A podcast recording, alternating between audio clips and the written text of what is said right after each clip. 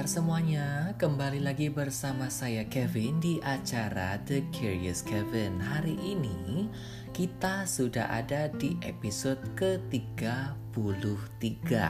Seperti janji Kevin minggu lalu, setelah kita mengenal dan mewaspadai toxic people, untuk episode ini kita akan belajar cara menghindari toxic people.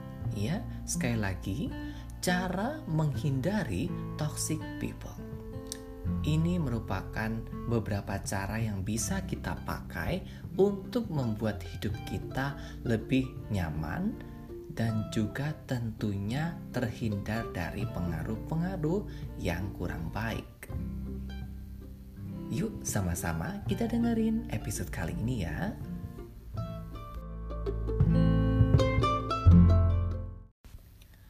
Setelah kemarin ya, kita sudah bahas tentang beberapa karakter ya yang terdiri dari empat tipe toxic people. Mungkin kamu kemarin sudah mencoba untuk mengenali orang-orang di sekitar kamu yang ternyata adalah bagian dari toxic people atau mungkin juga akhirnya kamu mendapatkan waktu untuk refleksi diri apakah termasuk sebagai bagian dari toxic people. Untuk kali ini ya, episode kali ini pembahasannya akan lebih fokus kepada cara menghindari toxic people ini juga akan sangat membantu kita sekalian ketika nanti akan mulai berteman ya atau mengenal orang baru atau juga bisa mulai dalam tanda kutip punya filter yang lebih baik ya. Baik untuk ke depannya untuk mengenal orang baru atau untuk yang sekarang.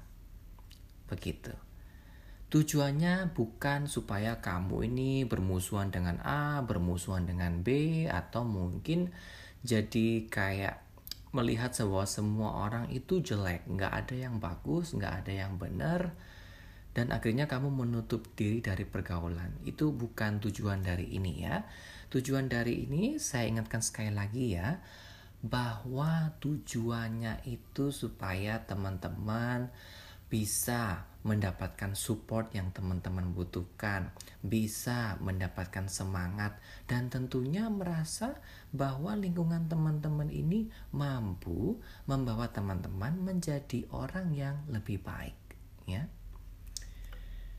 kita masih menggunakan referensi dari Bapak George S. Everly ya. Untuk yang minggu lalu belum tahu, beliau ini adalah salah satu pakar ya di bidang psikologi untuk aspek bencana ya. Biasanya di bencana alam atau bencana yang memang di luar kendali manusia beliau ini meneliti untuk aspek tersebut secara psikologis ya.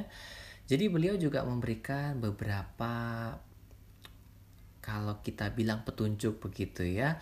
Kita bilang ini petunjuk atau cara supaya kita bisa tahu mana yang toksik mana yang bukan. Kalau untuk yang belum mendengarkan bisa loh langsung mendengarkan episode ke-32 kemarin untuk cara mengenali dan mewaspadai toxic people supaya bisa mendapatkan gambaran dasar gitu ya atau seperti pembukaan apa sih kok tiba-tiba bahas toxic people? Nah, di sini tempatnya. Oke, Kevin mulai aja ya. Jadi yang pertama, ketika kita mau menghindari, kita juga tentunya mencari ya. Sembari menghindari yang buruk, tentunya juga mencari yang baik. Supaya apa? Supaya kita ini hidup itu merasakan adanya support atau dukungan yang terus-menerus ya. Jadi kayak kita itu bisa merasakan kayak kita nggak sendirian gitu loh selalu ada orang yang bersama dengan kita selalu ada orang yang mendukung kita ini adalah beberapa cara agar kita nggak berlindung atau bersandar atau merasa didukung padahal orang yang mendukung ternyata adalah bagian dari toxic people. Oke? Okay? Yang pertama, kita mesti melihat bahwa dalam hubungan tersebut ya, dalam menemukan orang-orang yang baik tersebut atau orang-orang yang bisa kita kategorikan di luar dari toxic people adalah adanya kepercayaan yang sama. Ya, itu yang pertama, adanya kepercayaan yang sama atau mutual trust. Yang dimaksudkan kepercayaan ini adalah kita bisa ibaratkan pertemanan A dan B. A bisa menjaga rahasia B, B bisa menjaga rahasia A. Ya, dan tidak kemudian nanti A atau B menceritakan pada teman C, teman D, apalagi kalau dalam satu lingkaran. Ya. Ini adalah salah satu ciri atau ciri pertama dari pertemanan yang disebut true friendship. Ya, atau bisa kita kategorikan sebagai orang-orang yang ada di luar dari kategori toxic people. Yang kedua adalah pertemanan ini dibentuk atas dasar kesetiaan, ya. Ini berlaku untuk banyak hal. Bisa ketika kamu berteman di sekolah, di pekerjaan, apalagi ya, apalagi kalau dalam hubungan pacaran. Karena pacaran, kemudian pertemanan, ini punya faktor yang cukup besar untuk kita merasakan kesetiaan antara satu dengan lainnya. Kalau kesetiaan secara pacaran tentunya ya, tentunya kita harapkan ketika mungkin A dan B berpasangan, tentunya kita berharap bahwa A setia dengan B, B setia dengan A. Karena apa? Karena kita tahu bahwa pacaran itu kita sedang ya, kita sedang dan sudah mendapatkan hati orang tersebut. Ya, ada yang nanti berlanjut ke pernikahan, ada yang enggak. Tapi ketika dalam proses perpacaran itu tadi, karena kamu sudah mendapatkan hati seseorang, tentunya kamu akan berusaha mendapatkan atau kalau mendapatkan sudah ya, kita berusaha untuk menjaga hati orang itu karena sudah didapatkan tentunya harus dijaga bukan kemudian nanti ketika sudah dapat ya sudahlah saya mau seenaknya sendiri. Ya sudahlah saya mau sama A sama C sama D sama E. Ini tentunya menjadi satu hal yang akan kesannya itu seperti menodai kesetiaan tersebut. Ya.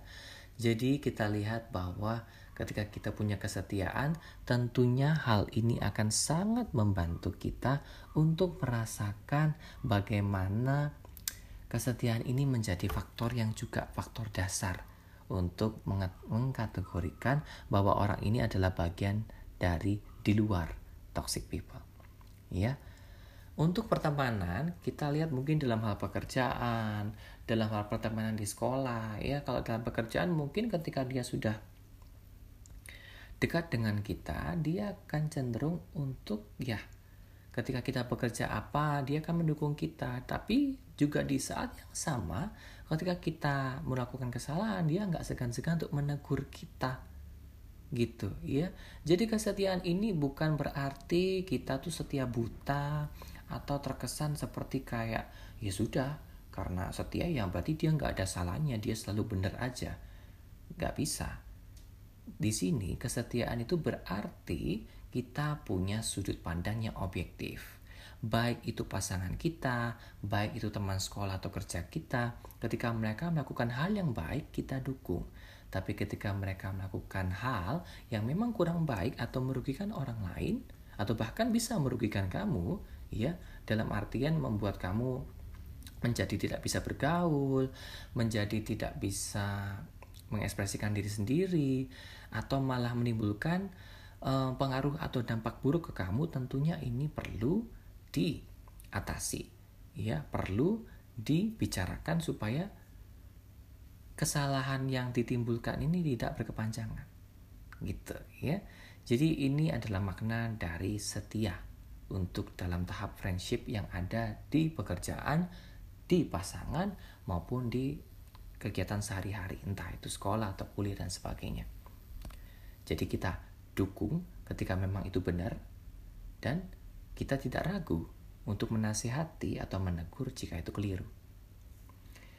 Yang ketiga, pertemanan ini didasarkan dengan kebaikan. Iya, jadi kebaikan ini kan sifatnya sangat um, subjektif ya. Ada orang A dan B. A merasa B itu baik kalau begini, dan sementara B itu merasa baik kalau A itu begitu. Jadi kebaikan ini kita lihat bagaimana caranya dia itu memperlakukan kamu gitu ya. Memperlakukan dalam artian seperti ini. Ketika mungkin kamu sedang menghadapi masalah, apa yang dia lakukan? Apakah dia ini cenderung untuk langsung menghubungkan dengan situasinya? Ya, jadi misalnya contohnya gini, kalau A sedang bermasalah curhat sama B, daripada B ini mengerti posisi A, langsung aja B menghubungkan dengan posisinya.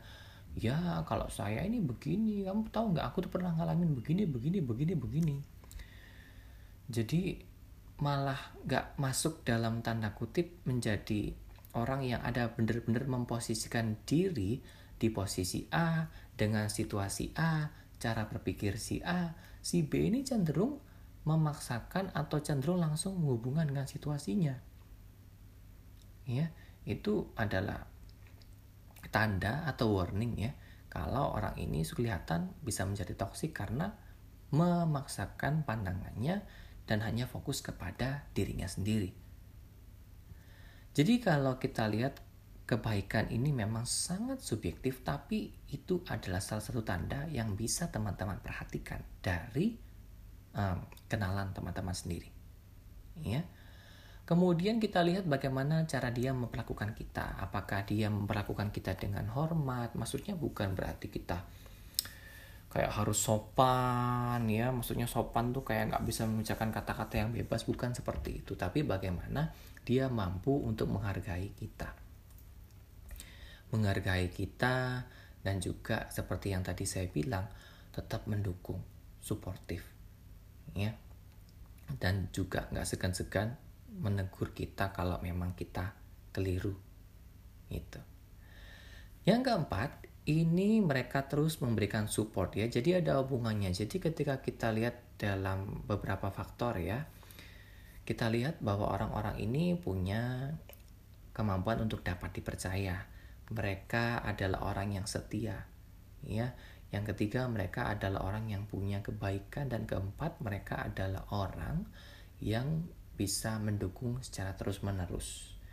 Dukungan ini, seperti yang tadi saya sudah bilang, adalah dukungan yang objektif.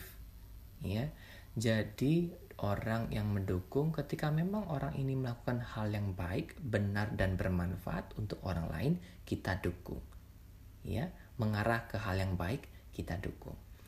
Tapi kalau kemudian orang ini kemudian malah memberikan pengaruh yang buruk, atau jadi terluka karena sikapnya sendiri ya atau kemudian dia menyusahkan ya atau menyengsarakan dirinya sendiri membuat orang lain repot merugikan orang lain membuat orang lain tuh merasa bahwa orang ini egois maunya tahu tentang diri sendiri atau mungkin orang ini suka sekali membicarakan hal-hal yang buruk nggak pernah bisa bersyukur lebih suka menyebarkan hal yang buruk atau mungkin juga orang ini ternyata nggak bisa dipercaya ternyata bicara di belakang atau bahkan dalam satu lingkaran gitu.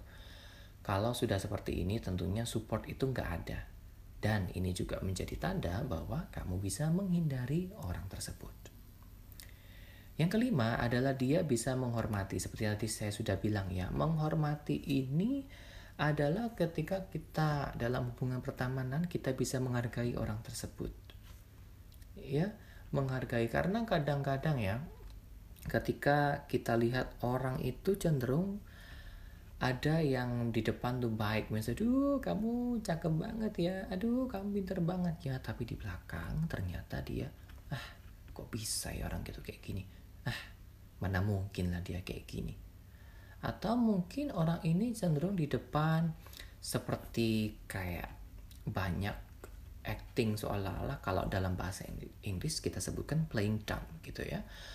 Playing dumb untuk menanyakan ini dan itu yang mungkin sebenarnya dia sudah tahu tapi dia memutuskan seperti itu bertanya-tanya ya.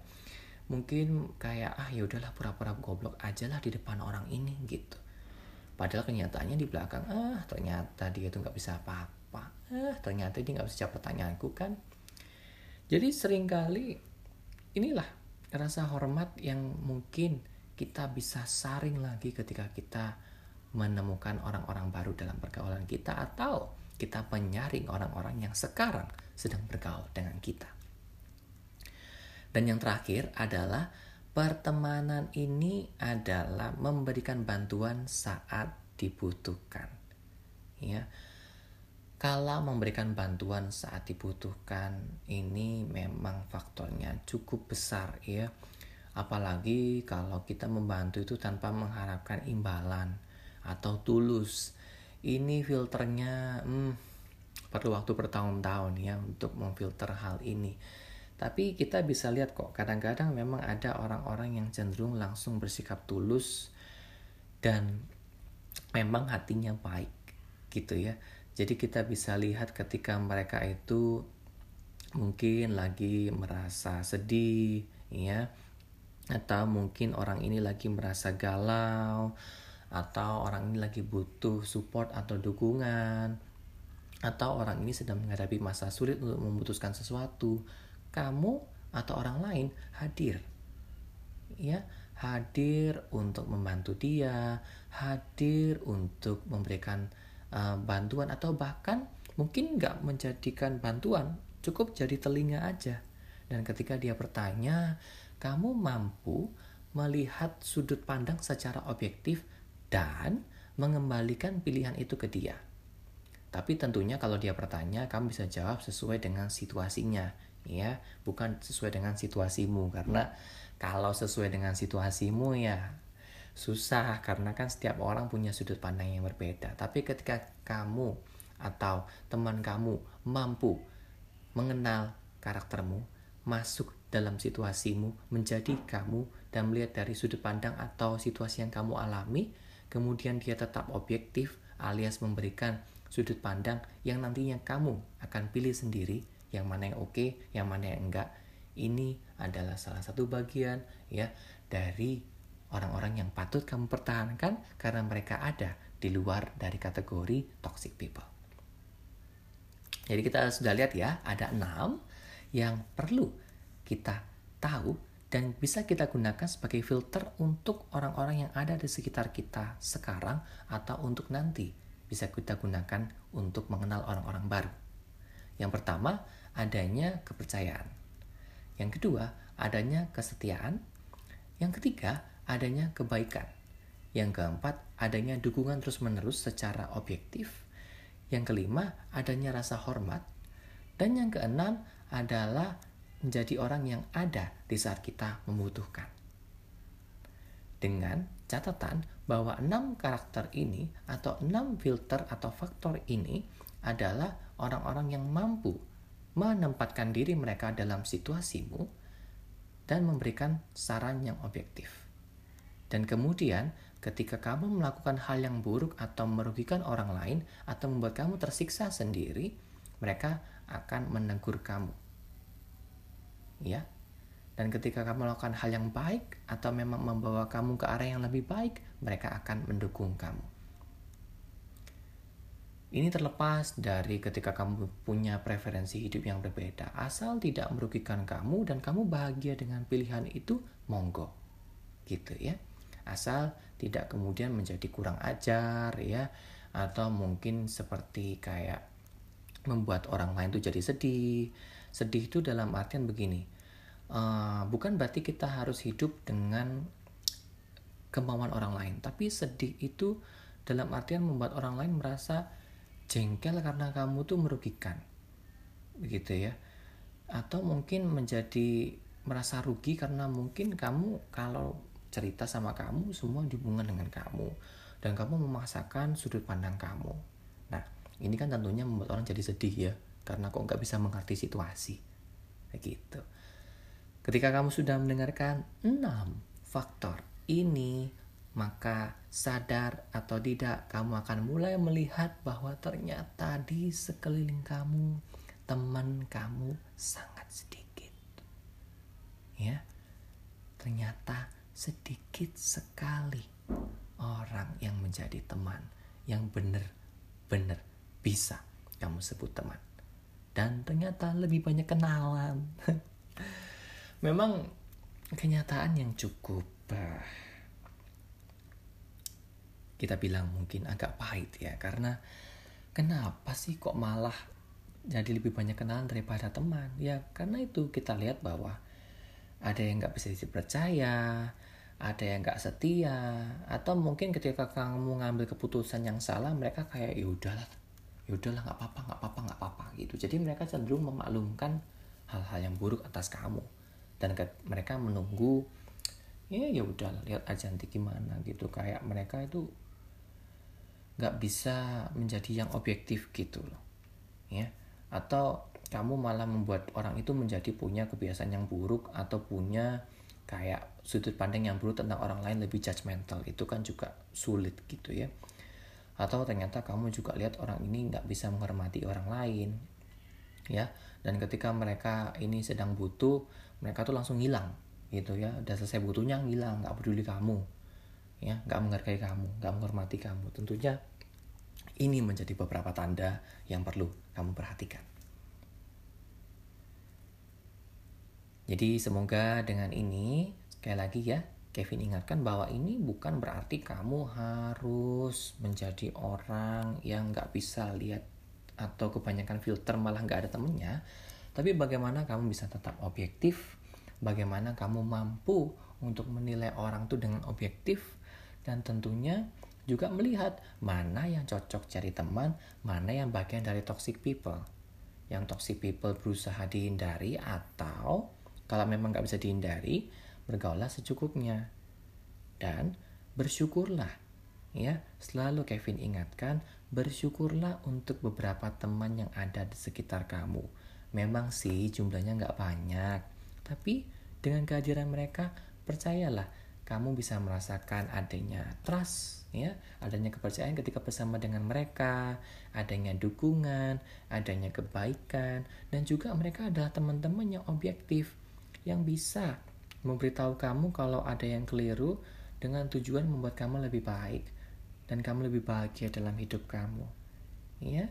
Dan juga untuk teman-teman yang ada saat kamu membutuhkan tapi sebaliknya kamu juga adalah orang yang ketika sudah dibantu, kamu akan berteman dengan mereka bukan karena sudah dibantu, tapi karena kamu benar-benar menyayangi, menghargai mereka, dan bersyukur karena ada pertemanan yang baik ini.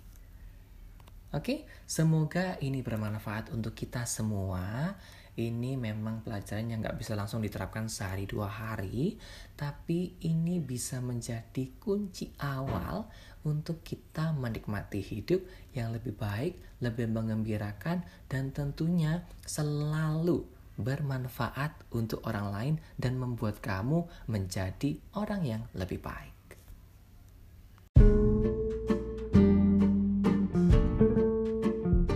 Terima kasih karena kamu sudah mendengarkan episode dari The Curious Kevin.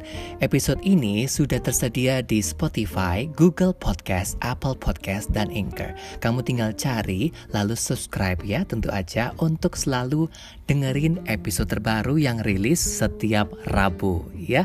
Semoga ini bermanfaat dan berguna untuk kamu semua dan jangan lupa dibagikan kepada orang-orang yang kamu rasa perlu mendengarkan. Sebarkan energi yang baik dan jadilah versi terbaik dari dirimu sendiri.